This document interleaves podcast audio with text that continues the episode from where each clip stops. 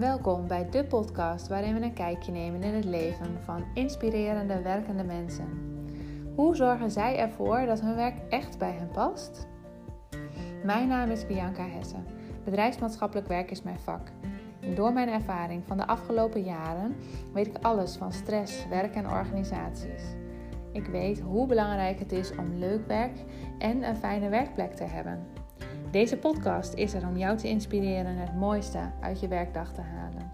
Want ik gun jou en iedere professional een leuke dag op het werk, waardoor je ook fijn thuis komt. Dat is niet voor iedereen vanzelfsprekend, maar wel mogelijk. Welkom eh, bij deze nieuwe aflevering. Eh, in de aflevering hebben we Nikwi Hoogland van Adoptiepedia. En uh, met jou gaan we het hebben over um, adoptie. Chinees geadopteerden. En we gaan het ook hebben over wat de invloed is op werk. Als je niet altijd goed weet waar je vandaan komt. Hè? Heeft dat, brengt dat een bepaalde spanningsklachten met zich mee? Brengt dat een bepaald uh, onbegrip of juist wel begrip met zich mee? En nou, dat zijn een stukje de thema's. En je mag me aanvullen waar je wil. Um, maar ik zou zeggen, vertel gerust eens iets over jezelf. Ik geef het woord okay. even aan jou. Ja. Dankjewel. Ik ben Nick Hoogland. Ik ben 25 jaar oud. Ik ben sinds kort Stichting Adoptiepedia gestart. En dat is sinds kort bedoel ik officieel sinds vrijdag. Want toen hebben we de papieren getekend. Oh echt? Dat is dus, ja. um, even kijken, 14 augustus 2020. Ja. ja. En daarvoor was ik uiteraard al heel druk bezig met echt het opzetten van alles. En wij zijn begonnen in januari met erover nadenken van zo'n platform voor Chinees geadopteerden. Ik kwam erachter met een vriendin, uh, haar naam is Lin. En wij, wij zaten samen te sparren over waarom is er eigenlijk geen platform voor alle Chinees geadopteerden in Nederland. En er zijn wel heel veel platforms voor ouders van Chinees geadopteerden, maar er is er geen voor Chinees geadopteerden zelf. Zijn er trouwens veel Chinees geadopteerde mensen in Nederland? Ik wil nu zeggen zo rond de 6800. Zo, Iets meer dan dat. Dat is ja, echt wel dus veel. Dat is wel echt flink. Ja, dat is Ja. zeker flink. En ik kwam er ook achter via een eh, enquête voor geadopteerden dat er geen belangenorganisatie was voor Chinees geadopteerden. En vandaar dat ik dacht, weet je wat, wat er niet is, kan komen. En dan moet ik het zelf maar maken. Ja. En toen ben ik begonnen met. Ik, ik dacht eerst heel simpel. We gaan gewoon een website maken met erop allemaal blauwe linkjes, doorlinkjes naar alle initiatieven die er al bestaan voor Chinees geadopteerden. Nou, dat was op zich een heel goed idee. Alleen toen was het vrij beperkt waar we naartoe konden linken. Want er was gewoon nog niet heel veel ook. Toen zijn uh, Lin en ik gaan denken over wat we toen wilden doen. Maar Lin die moest helaas afhaken vanwege haar werk en studie. Is zij ook Chinees geadopteerd? Ja, ja, ja. Oké, ja. Dus, dat is uh, leuk. dus ja, dat, ik, ik, ik zit in een vrij groot netwerk van Chinees geadopteerden. Ik vind het ook wel belangrijk dat, een, dat, dat Adoptiepedia uh, destijds gewoon nog een bedagsel dat dat ontwikkeld zou worden door Chinees geadopteerden. Ja. Omdat het zo'n persoonlijk element natuurlijk heeft. En uh, dan vind ik het belangrijk dat je daar toch wel wat herkenning en erkenning en acceptatie voor elkaar kan, kan bieden. Ja. Dus toen kwam ik een meisje tegen. En zij zei tegen mij, toen ik haar vertelde over mijn idee... Oh, ik wil je wel helpen. Ik ben goed websites maken. En ik dacht, nou, dat is echt een super combinatie. Nou, toen sloot Hong Lin aan. Tegelijkertijd was ik in contact met Simone. Wij hadden het over racisme onder de Chinees geadopteerden. Dit was ongeveer een beetje net voordat corona echt een beetje prikkelde hier. Dus dat was zeg uh, april, denk ik. Ja. En Simone en ik, die zeiden, die, die, nou, die konden het ook goed met elkaar vinden. En ik vond haar heel erg passend voor het beleidstuk en voor het inhoudelijke onderdeel en mij te ondersteunen. Zij kijkt ook wat zakelijker naar af en toe naar dingen dan dat ik doe. Ik kijk best wel vaak met mijn hart, met mijn emoties. En zij kijkt gewoon soms wat professioneler naar dingen. Nou, dat, is heel, dat is heel fijn als je iemand hebt die daar een beetje in kan balanceren. Ja. En toen in maart dachten we, oké, okay, we gaan nu beginnen met de website opzet. Maar ja, toen kwam corona. En als we niet live konden afspreken, leek het me gewoon niet verstandig om een hele website op te zetten. Ik zag het gewoon niet zitten uh, op die manier. Dus toen zijn we begonnen met een Instagram. En die Instagram, dat was eigenlijk de intentie om een soort opzet te zijn voor de website. Dus met informatieve uh, doorlinks, et cetera. Maar doorlinken op Instagram is ja, vrij onmogelijk. Ja. Het is heel lastig, want je kan niet op linkjes klikken in een post. Dus toen zijn we gaan denken, hoe gaan we dat dan invullen? En ik weet eigenlijk niet eens hoe het is gekomen, maar toen hebben we een Instagram gestart met ervaringsverhalen van Chinees geadopteerden. En daar bleek een enorme vraag naar te zijn. Of in ieder geval een hele grote behoefte om dat te lezen en om soms ook je verhaal te kunnen insturen. En eigenlijk hebben we dat gewoon zo op zijn beloop gelaten. Van, nou, stuur maar je verhalen in. We proberen te posten. We hebben gezegd, we willen gewoon elke week ook een provincie uitlichten van China. Zodat je ook gewoon de, de, China leert kennen, als het ware. Uh, op een heel laagdrempelige manier. En zo deden we ook soms wat informatieve posts over panda's. Of over de Chinese muur. Of over Tai Chi. Of over thee.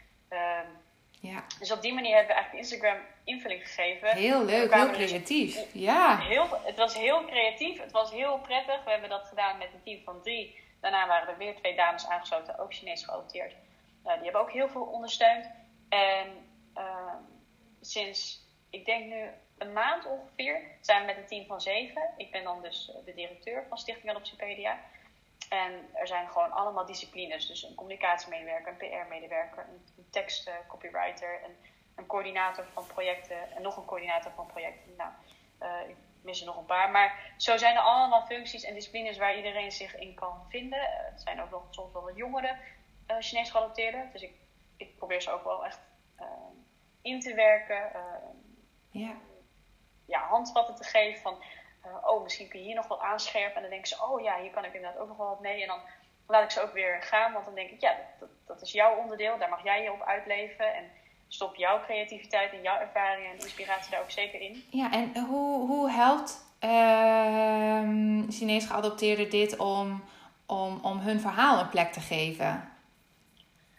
Ik denk dat het onder andere helpt dat ze hun verhaal kunnen delen met andere uh, gelijkgestemden dat ze daardoor heel veel herkenning vinden van mensen die dan antwoorden op zo'n post met: Oh, dit heb ik ook meegemaakt. Of Oh, wat erg dat je dit hebt meegemaakt.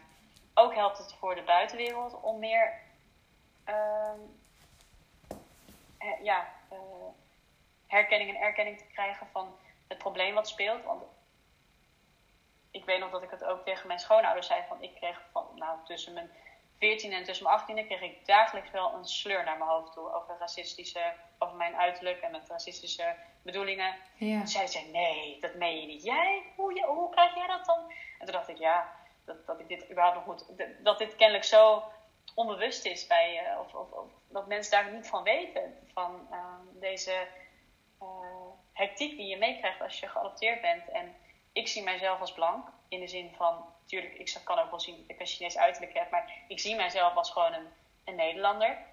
En het aantal keer dat je dan toch wordt gewezen op dat je niet Nederlands bent, ja, dat heerst wel echt onder Chinees geadopteerden dat het een heel groot pijnpunt is.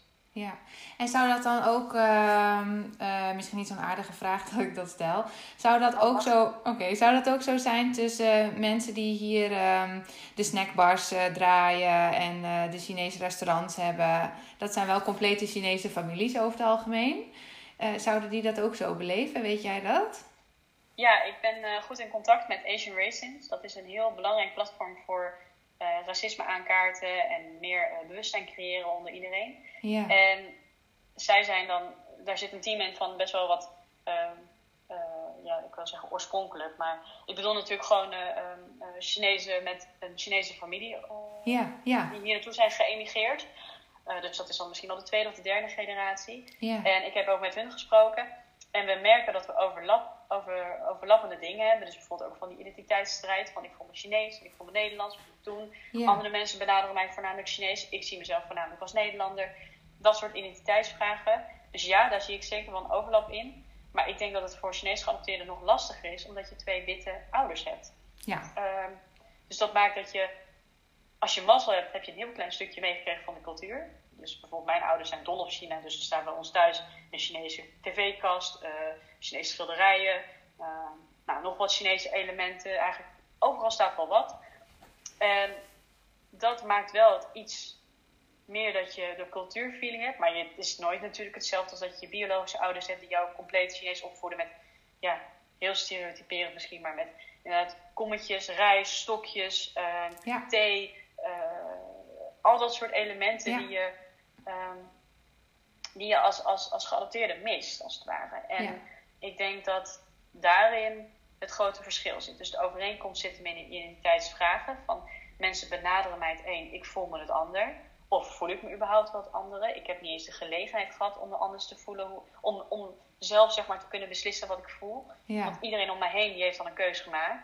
En uh, daarnaast dus het aspect van geadopteerd zijn dat je ook nooit kan terugvallen op je ouders. Van, man, heb jij dit nou ook gehad bijvoorbeeld? Dat je moeder zegt, nee, ik ben blank. Weet je, dat, dat, Ja, dat, dat ja. is een conversatie die je nooit zal, uh, die je nooit zo gaat krijgen als bij een Chinese ouder. Ja, ja.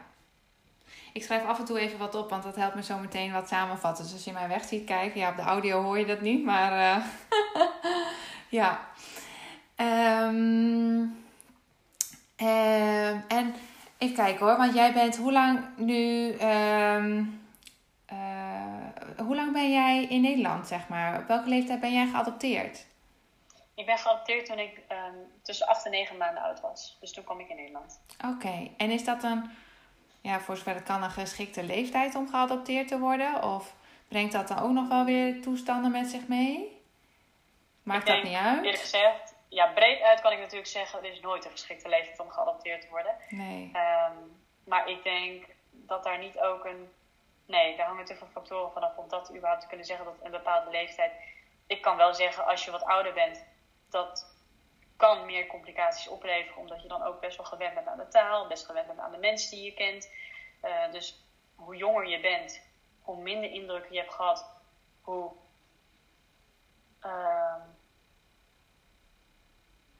hoe meer de kansen zich kunnen vergroten dat je wat makkelijker kan aanpassen in een nieuwe situatie. Maar ik zeg niet dat er een bepaalde leeftijd is of uh, wat het verslechtert of verbetert. Want nee. elke situatie is apart, elk kind is apart en elk kind zal het ook echt heel anders opnemen. Als ik misschien één jaar oud was geweest, had ik exact. Oh, nou, dat is misschien een klein verschil. Maar als ik twee jaar oud was geweest, dan had ik wellicht exact hetzelfde uh, geweest als nu. Dus dat kan ik, durf ik niet te zeggen. Nee.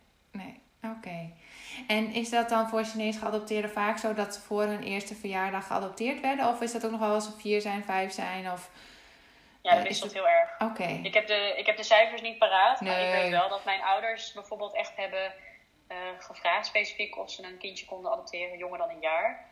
Wel met de reden vanuit hun dan natuurlijk van dan, um, uh, ja, dat, dat, vinden wij gewoon het prettigst, want dat heeft mentaal misschien toch wel invloeden ja. met zich mee. Ik weet niet of dat zo is, maar dat, dat vonden zij toen destijds. Dat is natuurlijk ook een ander, dat is 1994 praten we over. Dus ja. Het is ook zo lang geleden. We weten nu natuurlijk ook zoveel meer over de daadwerkelijke hechtingsstoornissen, de daadwerkelijke vertrouwensproblemen en uh, alle trauma's die met zich meekomen als je geadopteerd bent. Ja, ja. En als je dan nu kijkt naar jouw uh, werk. Jij uh, werkt in een kenniscentrum voor nou, het... jeugdpsychiatrie. Kinder- en jeugdpsychiatrie. Ja. ja, ja, um, um, wordt, wordt trouwens in, in, ken, in kinder- en jeugdpsychiatrie ook dit soort dingen meegenomen? Nou, in het algeheel wordt natuurlijk wel besproken over hechtingsproblematiek en Ja. over trauma's en over um, ook ja, depressie natuurlijk. Dat, dat, dat kan ook wel echt uh, een invloed hebben op, jouw, uh, op je welzijn. Of op, ja, een, een consequentie zijn van hoe je hier in Nederland aardt natuurlijk. Ja. Um, dus ja, dat wordt wel besproken. Er is niet een specifieke pagina voor geadopteerden. Nee.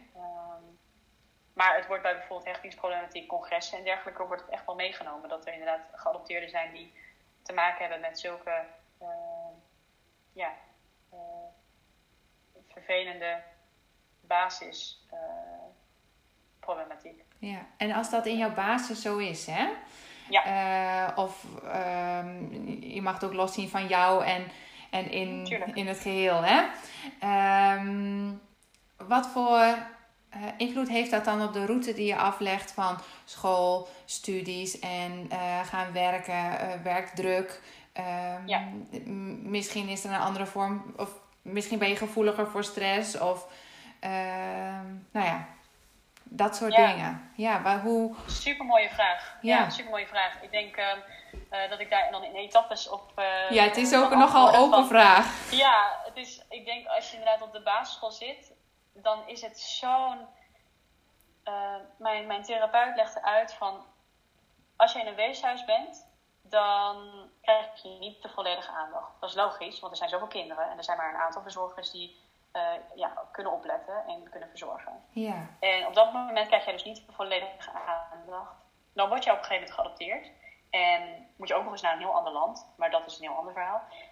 En kom je in een klas terecht als klein, kind, als klein kindje uh, op de basisschool, en krijg jij weer niet alle aandacht. Dat is heel logisch, want niemand krijgt alle aandacht. Maar jij als kindje, geadopteerd kindje, hebt dat al veel eerder moeten meemaken. Jij hebt niet, zoals alle andere kinderen in Nederland, ben je niet opgegroeid met ouders die jou lief willen hebben, luisteren naar je, die je proberen te begrijpen, die je een zakdoekje geven als je verdrietig bent. Die, hoe heet het, uh, nou, misschien als je zo jong bent moet je geen zakdoekje krijgen. Maar goed, we snappen wat ik bedoel. Ja. Uh, die, die getroost wordt, die de volle aandacht krijgt, zover dat natuurlijk kan. Um, ja. En ik denk dat dat al de eerste basis is waar het, ik wil niet zeggen misgaat, maar waar wel al zo'n enorme druk wordt gelegd op zo'n kind die dat niet begrijpt. Die dus eerst al is afgewezen, afgestoten, eh, niet de volledige aandacht heeft gekregen. En dan vervolgens op de basisschool komt en het gevoel heeft dat het allemaal weer gebeurt. En dan zijn er ook nog eens kinderen om hem of haar heen, die ook nog eens waarschijnlijk denken: ja, waar heb je het nou over? Waarom voel je je nou verdrietig? Waarom voel je nou dit? Waarom voel je nou dat? Uh, het is toch heel logisch dat als jij je vinger opsteekt, dat de juf dan even zegt: nu even niet, Nikki. Maar voor mij was dat niet logisch. Ik heb ook kennelijk, dat is me later ook verteld, ben ik op de basisschool een keertje opgestaan en heb ik gezegd: Wie vindt mij lief? En als ik het nu zeg, moet ik gewoon bijna huilen, omdat het zo schrijnend is als een kind dat moet vragen ja. voor bevestiging om te mogen zijn wie dat kind wil zijn. En uh, ja, dat, dat, dat is wel iets wat tekent vanaf het begin dat je al heel jong bent. En ja. nou ben ik ook een vrij extravert type en ben ik vrij aandachtvragend, dat weet ik ook van mezelf. Ja, en nou gelukkig maar in maakt, dit geval. Ja, ja. dat maakt het ook iets heftiger als je dan dus ook echt niet de aandacht krijgt. Want er zijn ook introvert natuurlijk jongeren die dat misschien minder nodig hebben of minder behoefte aan hebben. Um, nou, dus dat is de basisschool. Dan de middelbare school heeft het impact natuurlijk op al die leuke pubers die denken: Goh, laat ik nou eens even iemand lekker belachelijk maken, want dan kan ik mezelf hogerop krijgen in de uh, hiërarchiepyramide. Ja. En dat maakt eigenlijk, ben ik ook achtergekomen, of je nou een bril hebt die gewoon niet staat, of dat je nou rood haar hebt, of dat je nou enorm lang bent, of juist super klein als jongen. De, ze vinden altijd wel iets om je. Ja, ik ben een keer op school gekomen met een staart aan de zijkant en ik had heel lange haren en we, ik vond dat toen leuk, denk ik. en toen, nou, dat, uh, dat heeft er ook vijf minuten in gezeten. Toen dacht ik, oh nee, ik denk dat moet eruit, want. Uh, ja. Ja. Ja, dan zit er inderdaad nog, nou ja, goed dat je dat voorbeeld aandraagt, dan zit er natuurlijk ook nog een verschil tussen iemand bespottelijk maken wat je kan veranderen. Ja. En iemand bespottelijk maken wat iemand nooit zou kunnen veranderen. Ja. Namelijk ons uiterlijk, ons ras, ons uh, zijn. Dat is natuurlijk iets wat, ja, ik kan me wel gaan witlopen sminken en mijn ogen Nee. iets groter maken en mijn haar blonderen. Maar dat maakt nooit dat ik een, in hun ogen daadwerkelijk een Nederlander ben. En dat is iets wat dan wel weer impact heeft op je identiteit. Dat je continu wordt bejegend op jouw uiterlijk. Ook al bedoelen ze dat niet, hè? daar heb ik het niet over van dat ze het echt letterlijk, letterlijk willen, ik noem dat dan racissimeren. Uh, dat je echt iemand wil pakken op iemands ras. Maar het is wel pesten. En het is wel, het heeft wel, uh, het laat wel littekens achter bij jou als persoon, als geadopteerde, als Ja. iemand die al dus heel veel dingen heeft moeten meemaken in een reis van, nou ja, wat heel veel mensen al niet eens zouden kunnen bedenken. Dat je dus helemaal met een vliegtuig als baby naar een ander stuk komt. En dan ook nog eens allemaal mensen moet zien die allemaal denken: Oh, oh, een kindje erbij. Wat schattig. En, Ja. Oh, wat schattig, ik moet het aaien of zo. Weet veel. Ja, en dan krijg je ook nog gefeliciteerd naar de.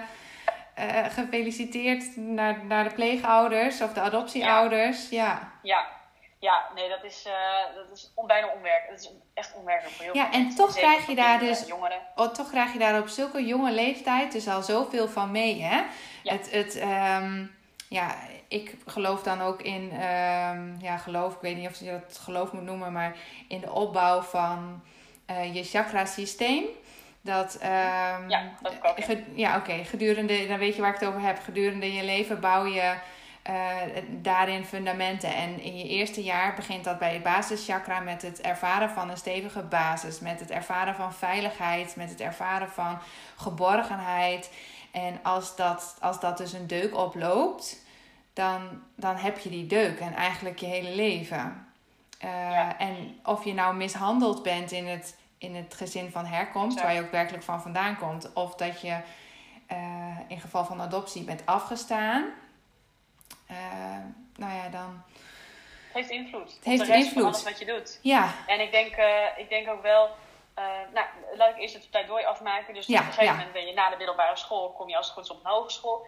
eigenlijk is daar vrij alles wel goed gegaan. Ik ben ook achtergekomen dat ehm, mijn karakter ook mee heeft gespeeld met mijn pesterijen. Ik ben gewoon inderdaad dus vrij op de voorgrond. En dat kunnen mensen ook vervelend vinden. En dan denken ze, ja, ik kan niet zeggen, wat ben jij spontaan, Nikwi? Dus dan denken ze maar, wat ben jij een kut Chinees, Nikwi? Want dat is makkelijker. Want daar kun je iemand mee pijn doen. Want het uiterlijk, dat is er standaard. Dus dat, dat kun je uh, kwetsen. Ja. Uh, en vervolgens, ik sla dat stuk over omdat het niet heel veel relevantie verder heeft. De hogeschool, dat het zijn toch wel wat, hopelijk wat meer volwassenere mensen. Ja. Dus uh, ik heb daar ook niet heel veel problemen mee gehad. Um, en dan op een gegeven moment kom je op het werkgebied aan. Uh, maar ik nog wel terug dan. Heeft, oh, um, ja? ja, wat heeft studiekeuze dan invloed? Uh, nee, Op- voor mij niet. Oké, niet dat je zegt van met identiteitsvragen kom je ook op een bepaalde andere studierichting. Of, eh, Ik vind wel, dat is wel, ja, dat is wat je nu zegt, wel waar. Dat ik merk veel Chinees geadopteerden vinden wel, willen wel graag iets doen in de zorg. Of willen wel iets doen voor anderen. En ik merk dat dat sowieso wel iets is wat heerst bij Chinees geadopteerden. Dat ze vinden dat ze zich A moeten bewijzen aan anderen. Dat ze eh, D eh, moeten zorgen voor anderen. Dus dat ze verplicht zijn eh, naar zichzelf toe of naar hun ouders toe. En C, dat ze gewoon ook meer willen weten over de psyche van de, van, Ja. van de mens. Ja. Omdat hun natuurlijk dat zo erg heeft beïnvloed. En ik denk dat, dat dat wel een overlappend is wat ik ook trouwens heb gewild. Want ik wilde eerst psycholoog worden. Ik wilde eerst kinderpsycholoog worden. Ehm, mijn roeping was altijd al, ik wil iets doen voor kinderen en jongeren. Ik Ja. wil ze helpen, ik wil ze ondersteunen, ik wil ze iets geven, iets aanbieden. En, ehm, en nu snap ik pas dat dat moest zijn voor Chinees geadopteerde kinderen en jongeren. Dat is eigenlijk echt een hele grote openbaring geweest. Een paar weken terug dat ik dacht, "Ah, ik Maar snap nu pas dat mijn roeping dat was. Ja, dat, dat, Ja. dat het altijd was van... En dat ik me nooit daarvoor heb opengesteld. Want ik dacht gewoon tot mijn twintigste, ja, dag adoptie, hè, daar heb ik toch helemaal niks ja, mee. maar het is ook niet een vak dat je kiest, hè?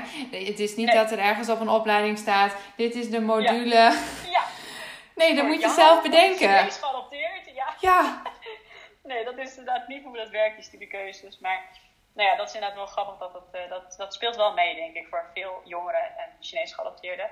Ehm, en dan op een gegeven moment kom je op werk. Ja, ik maak dan heel vaak de grap van... Ik ben, ik ben Chinees, ik heb een Chinese naam. Dus eh, eh, ik kom altijd wel wat vertrouwelijker over op cv's, dat soort dingen. Dat, ja, dat mensen denken, nou, die werkt vast heel hard.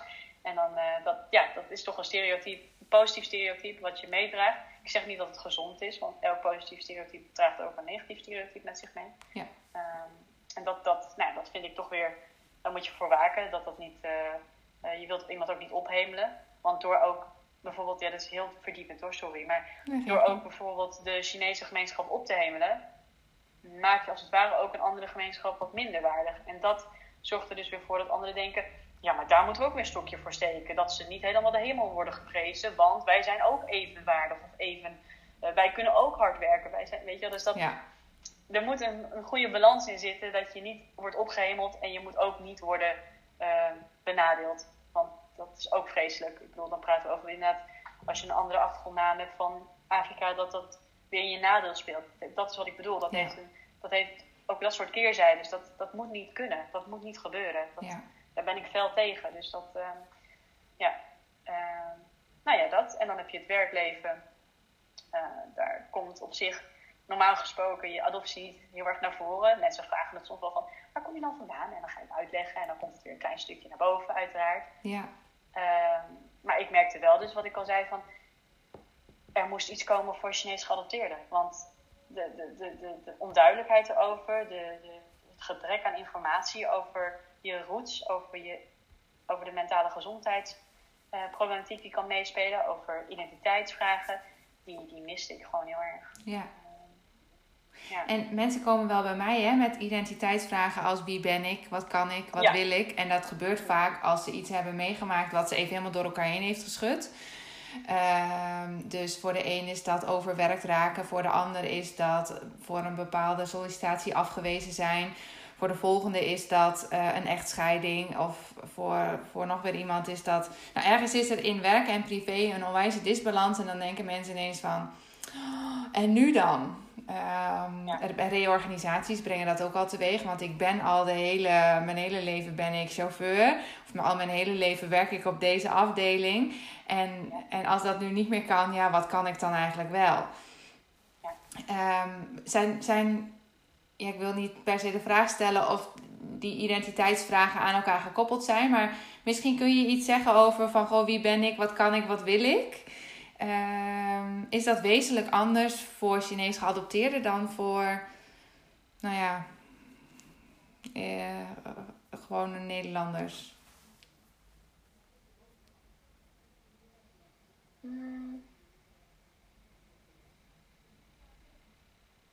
En misschien is dat ook wel moeilijk te beantwoorden, hè? want in het gesprek hiervoor zei je van: Ik weet niet hoe het is om een soort van gewone Nederlander te zijn, want ik ben een Chinees geadopteerde. En ehm, vanuit. Eh, ik weet niet hoe het is om Chinees geadopteerd te zijn. Ik weet alleen hoe het is om, om Nederlandse te zijn. Ja. Hmm. Nou, ik weet eigenlijk, ja. Ik weet eigenlijk niet zo goed of er echt een identiteitsvraag aanhangt voor mij nu al. Misschien komt dat wel over een paar jaar. Dat ik dan inderdaad denk, wie ben ik nou en wat wil ik worden? Maar op zich heb ik het gevoel dat ik daar al vrij onderweg naar ben. Door natuurlijk zelf een stichting op te starten voor adoptie. Ik had dat vroeger ook nooit durven dromen. Dus ik denk ook als je me uh, vorig jaar had gevraagd, dat ik dan inderdaad wel had gezegd van ja, ik zou misschien wel wat meer moeten doen met mijn adoptie. Want ik doe er zo weinig mee. Ik heb er zo weinig aandacht voor. Omdat ik nooit het gevoel heb dat het echt een impact op mij heeft gehad. Maar dan heeft dat wel. Ja, en dat is ook wel interessant, hè? dat je je afvraagt van, goh, in hoeverre heeft uh, de ervaringen die je bij je draagt, in hoeverre hebben die wel of geen invloed? Exact. En in dit geval is het uh, je adoptie en voor iemand anders is het uh, misschien zijn oorlogsverleden of uh, voor nog weer iemand kan dat weer heel iets anders zijn. Is dat een huiselijk geweld kwestie waar die uitkomt? Exact. Of, ja. ja, ik denk ook ik, ik, ik ben wel ook flink gevormd door wat er vorig jaar is gebeurd natuurlijk. Ik, uh, uh, om de tijdlijn compleet te maken, ik heb natuurlijk dan in april mijn ouders gevonden, mijn biologische ouders. Ja, dat is wel. Dat was 2019, hè, vorig jaar. Ja, 2019, ja. ja. En toen in 2019, mei, ben ik mijn hondje plotseling verloren. Dat was eigenlijk echt mijn oh. alles. Dus dat was wel heel erg, uh, heel erg sneu voor mezelf. Ja, het was heel plotseling en ik, ik moest al heel erg dealen met een moeder die ook uh, ja, heel ziek was. Dus dat was gewoon heel veel bij elkaar. En toen tien dagen later dat mijn hondje overleed, overleed mijn moeder. Dus dat was, uh, dat was gewoon een onbegrijpelijk jaar voor mij. Het was een, uh, ik kan het ook nog steeds niet helemaal bevatten. We zijn anderhalf jaar verder. Ik, het voelt voor mij al heel lang en ook weer heel kort. Dus ik weet ook niet zo goed wat ik moet voelen. Nee. En toen in oktober heb ik natuurlijk mijn ouders dan weer gezien. Ik had 1 oktober trouwens nog een heel groot jaarcongres voor het kenniscentrum wat ik moest organiseren. Van top tot teen. Wat ontzettend goed gelukt is, maar wel heel veel energie ook heeft gevraagd van mij. Dus toen in november is het eigenlijk uh, voor mij gewoon, was het klaar. Ja. Ik kwam 4 november terug en ik, uh, ik, ik zat er eigenlijk doorheen. Flink ook. En eigenlijk heb je dan dus, um, nou, zeg maar van mei tot november heb je een soort van geleefd op, op adrenaline ja. misschien. Cortisol. Alleen maar cortisol. En alleen maar met het heldercomplex van ik kan dit aan en ik kan dit aan. En dat is ook iets wat heel vaak voorkomt bij geadopteerden van het heldercomplex. Je moet ook wel, want Anders word je straks nog afgewezen. Het is een bijna een beetje een vorm van dierenrijk. Van als je je zwakte toont, dan word je uh, weer weggegeven. Afgegeven. Ja, ja, ja. En uh, ik merk altijd, dan heb je een soort spanningsboog van een half jaar. Een half jaar gaat dat voor veel mensen goed, zeg maar. En ja, voor de een wat korter, voor de ander wat langer, hè. Uh, ja. Maar er komt een keer iemand met de hamer. Ja, ja, voor mij was het dan denk ik wel al. Ik, ik was wel echt jaren bezig met voor mijn moeder zorgen. Ze was 4,5 jaar ziek. Um, dus het is, het is voor mij al echt een. Ik ben vrij. Ik ben een beetje een labrador. Je kan die bal blijven gooien en ik zal hem blijven halen. Ja. Uh, totdat ik misschien wel echt letterlijk dood neerval. Want dan op een gegeven moment ben ik gewoon op. En ik weet ook wel dat ik gewoon voordat uh, ik een heel fijn boekje heb gelezen. Voor dat boekje dacht ik alleen maar, ik moet voor anderen zorgen. Ik moet er voor anderen zijn. Uh, mijn eigen leven, dat telt niet mee. Dat hoeft ook niet mee te tellen. Dus als mensen tegen jou zeggen op zo'n moment van... Ja, maar je moet ook niet alles zo voor anderen lopen doen. Want dan straks heb jij nog een burn-out. En ik dacht alleen maar, ja, maar dan is toch het doel bereikt. Dat is toch perfect. Dan heb ik toch alles gegeven wat ik maar kon geven. Oh, ja. En dan ben ik er. En nu pas na dat boekje wat ik heb gelezen, weet ik pas, oh, maar ik doe, ik doe er ook toe. En als ik er toe doe, dat betekent dat ik dus nog steeds heel erg voor mensen kan zorgen. Maar wel uit mijn eigen begrensde cirkel. Waarin ik mijn eigen wijsheid, liefde en kracht en alles wat ik heb kan geven aan anderen die ik, wat ik heb. En als dat op is, of als dat niet uh, voor hun uh, toelaatbaar is, prima. Dan, dan heb ik dat gedaan en is het klaar. Ja. En dat is wel ook wel, dat is, dat is wel een inge dat is misschien wel een hele grote identiteits, identiteitskwestie die te maken heeft met adoptie. Van, je hebt het gevoel dat jij er altijd voor anderen moet zijn. Je hebt het gevoel dat je altijd jezelf moet bewijzen en um, dat je eigenlijk nooit goed genoeg ook bent. Maar aan de andere kant uh, zie ik nu eindelijk in dat het allemaal voor, uit mezelf moet komen en voor mezelf moet zijn. Maar dat heeft geen zin als mensen je dat vertellen als je nog niet tot die openbaring nee, nee. voor jezelf. Ja, of als je niet op dat dieptepunt staat. Nee. nee. of als je niet inderdaad daar toch uh, vergankelijk, uh, hoe heet zoiets? Uh, ja, als je, dat je daarvoor open staat. Ja. Um, en dat sta ik nu wel. En dat maakt een heel groot verschil uit voor mijn werkleven ook. En voor mijn privéleven. En voor überhaupt de toekomst van mijn leven. En waarom is het dat je, de, dat, je die, dat gevoel hebt, hebt van ik moet me bewijzen en ik moet er voor anderen zijn? Waarom is dat extra? Nou, voor mij is dat natuurlijk extra omdat ik dan twee zieke ouders had. Ehm, dus dat maakt voor mij altijd al dat ik het gevoel heb gehad dat ik heel erg verantwoordelijk ben voor hun. Dat ik moet zorgen voor ze, dat ik altijd moet opletten. Gebeurt er niks raars? Zijn ze oké? Okay? Uh, Want anders ben ik weer alleen, zeg maar. Dat is de overtuiging die erachter zit. Uh, weet ik niet. Ik dacht eigenlijk meer de overtuiging van anders heb ik het verkeerd gedaan. Dan, dan, dan faal ik. Dan heb ik het niet uh, juist volbracht, het leven. Ehm, of ja, of dat alleen stuk, dat zou ook heel goed kunnen. Ja, dat is wel eh, interessant dat je dat zegt. Ik heb dat eigenlijk nooit zo naar voren bedacht. Dat ik dat, ik dat in mijn achterhoofd had van dan ben ik. Nee, dat heb ik ook denk ik nooit. Dan ben ik weer alleen. Oké.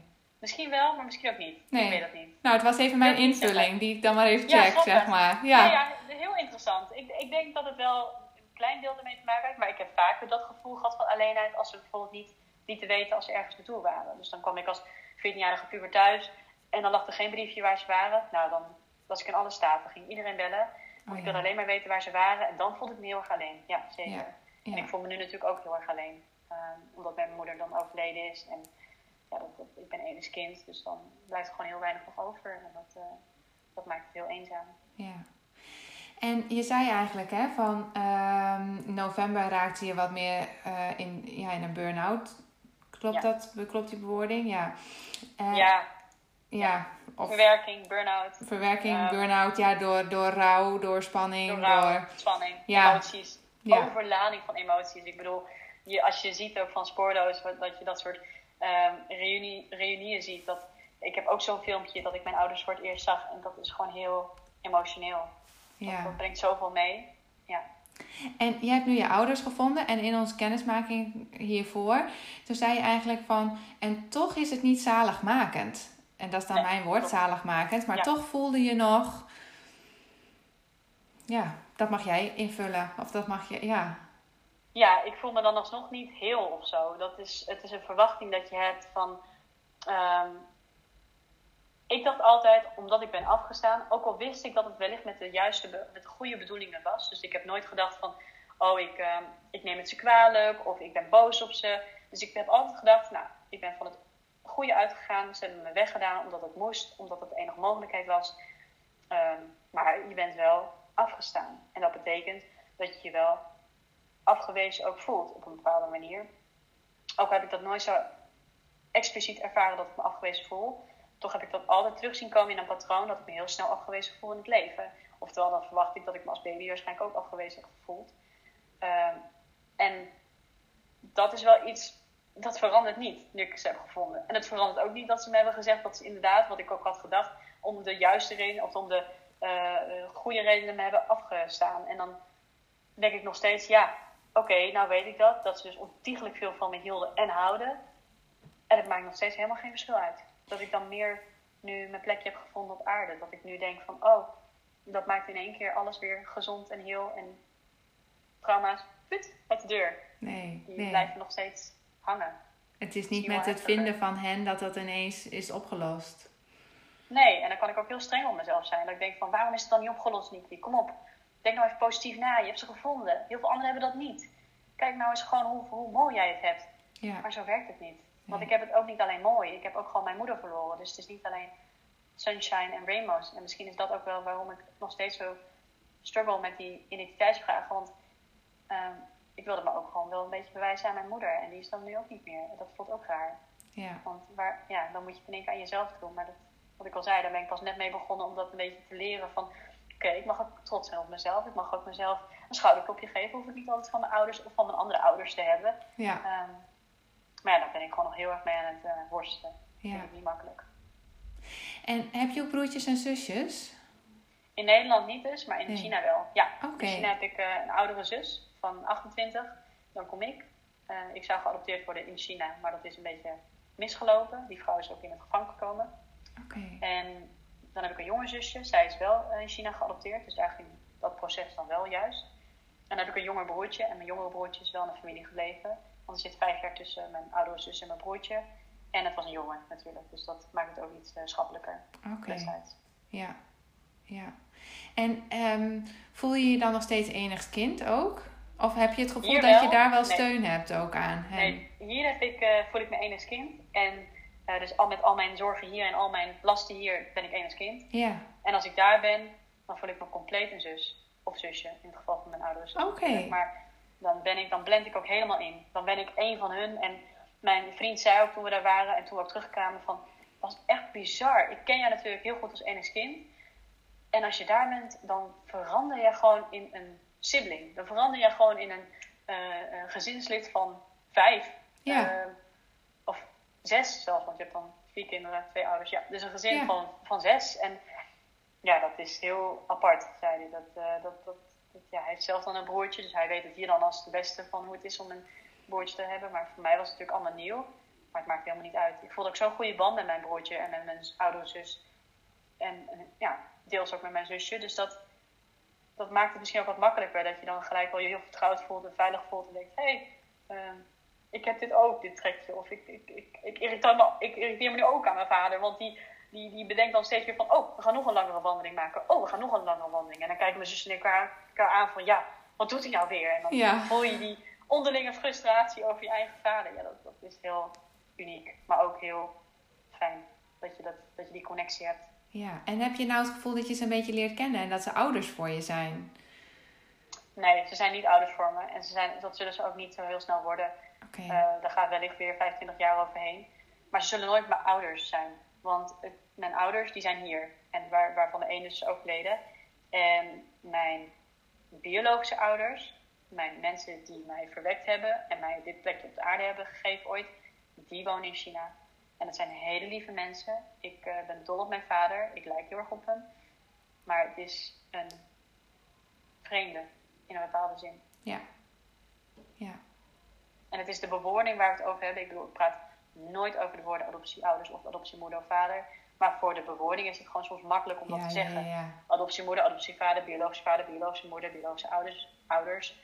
Ja. Maar voor mij, als ik het inderdaad heb over ouders, dan, eh, tenzij ik het in een bepaalde, bepaald verhaal gebruik, dan zal het over hun gaan. Maar anders gaat het echt over mijn ouders hier in Nederland. Ja, ja. En nou is jouw vader ook ziek. Ehm, en je hoefde daar niet over uit te wijden en dat is prima. Maar wel dat ik mij nog afvroeg, en als je er geen antwoord op wil geven, mag dat hè. Ehm, eh, is hij, eh, hoe moet ik dat zeggen? Is hij zo ziek dat hij misschien ook niet lang meer leeft? Of, eh, of dat, daar, daar gaat het eigenlijk. nee, we houden het erover op. Ik zie het aan jouw gezicht. Ja, nee, dat is prima. Want ik denk, zou, ik zou het, en dat vul ik dan weer in, ik zou het dan zo eh, pijnlijk nog weer vinden als je er dan toch nog weer alleen voor komt te staan. Hè? Ook nog op jouw 25-jarige leeftijd. Als ik dan kijk naar mezelf, ik heb nog mijn, ehm, eh, mijn opa van 80.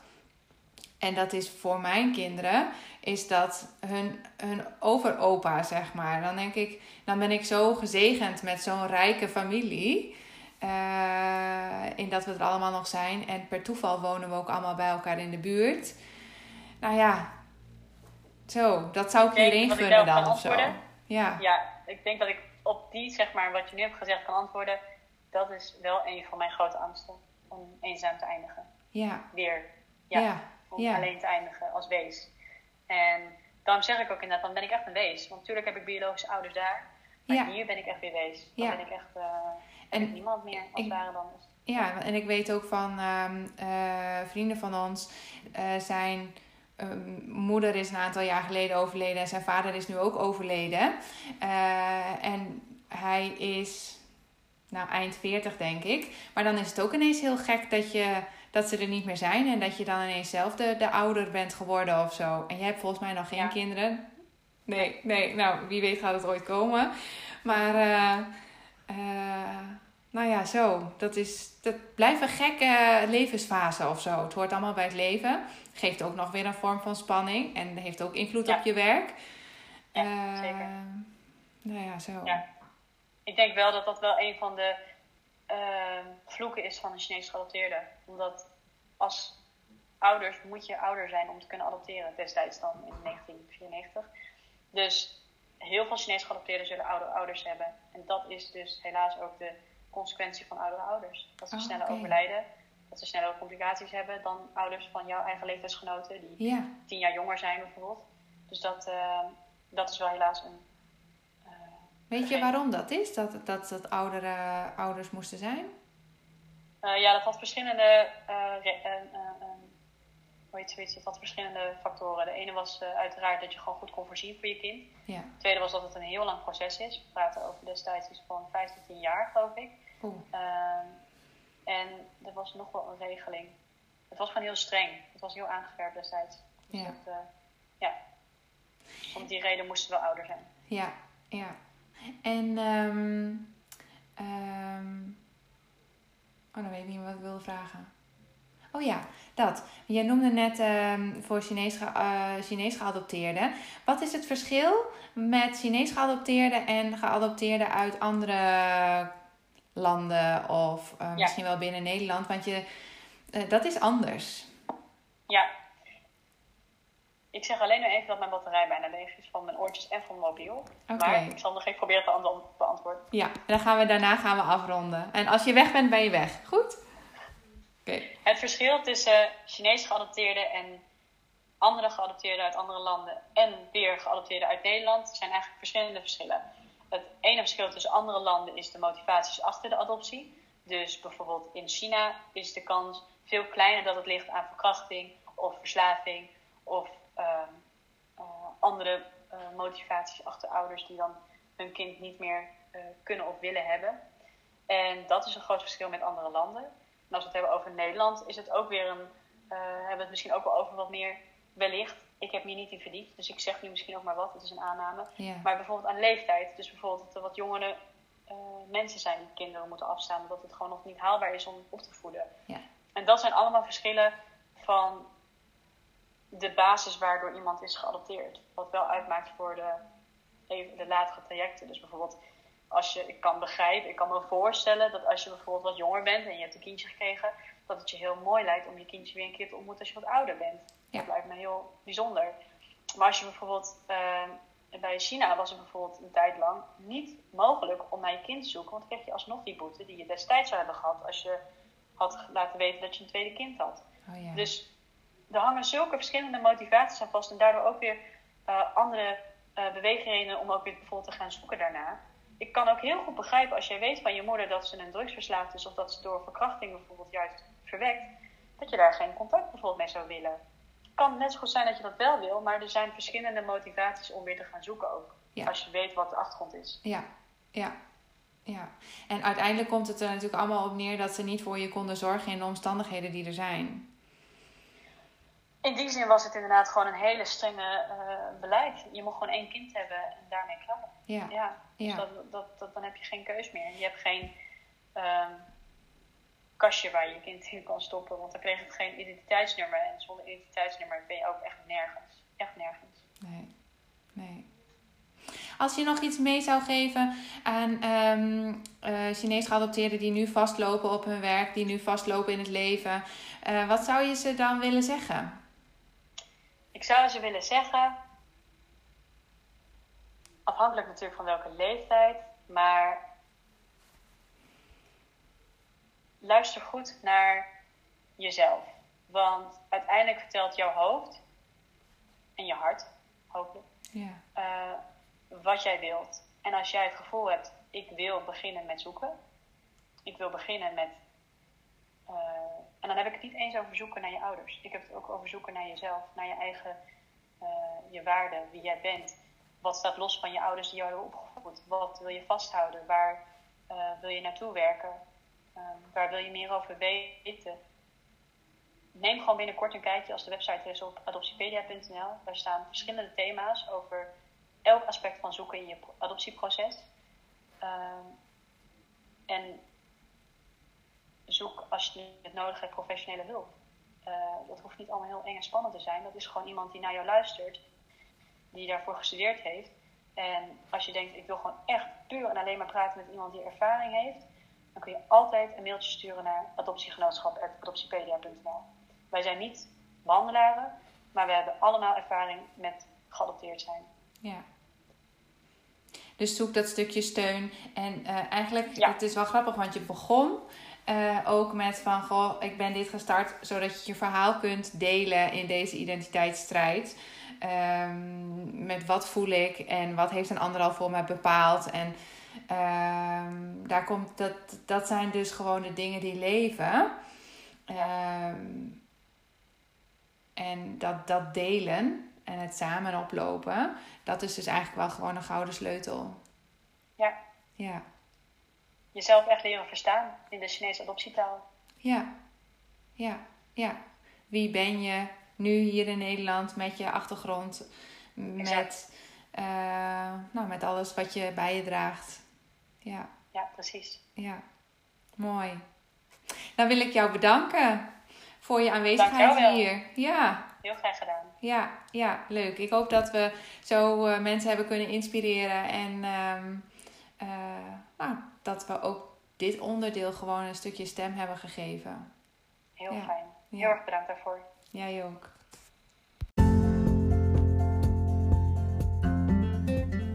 Voor de luisteraar. Kan er in jouw werkende leven nog wel wat verbetering plaatsvinden? Neem dan eens een kijkje op www.biancahesse.nl.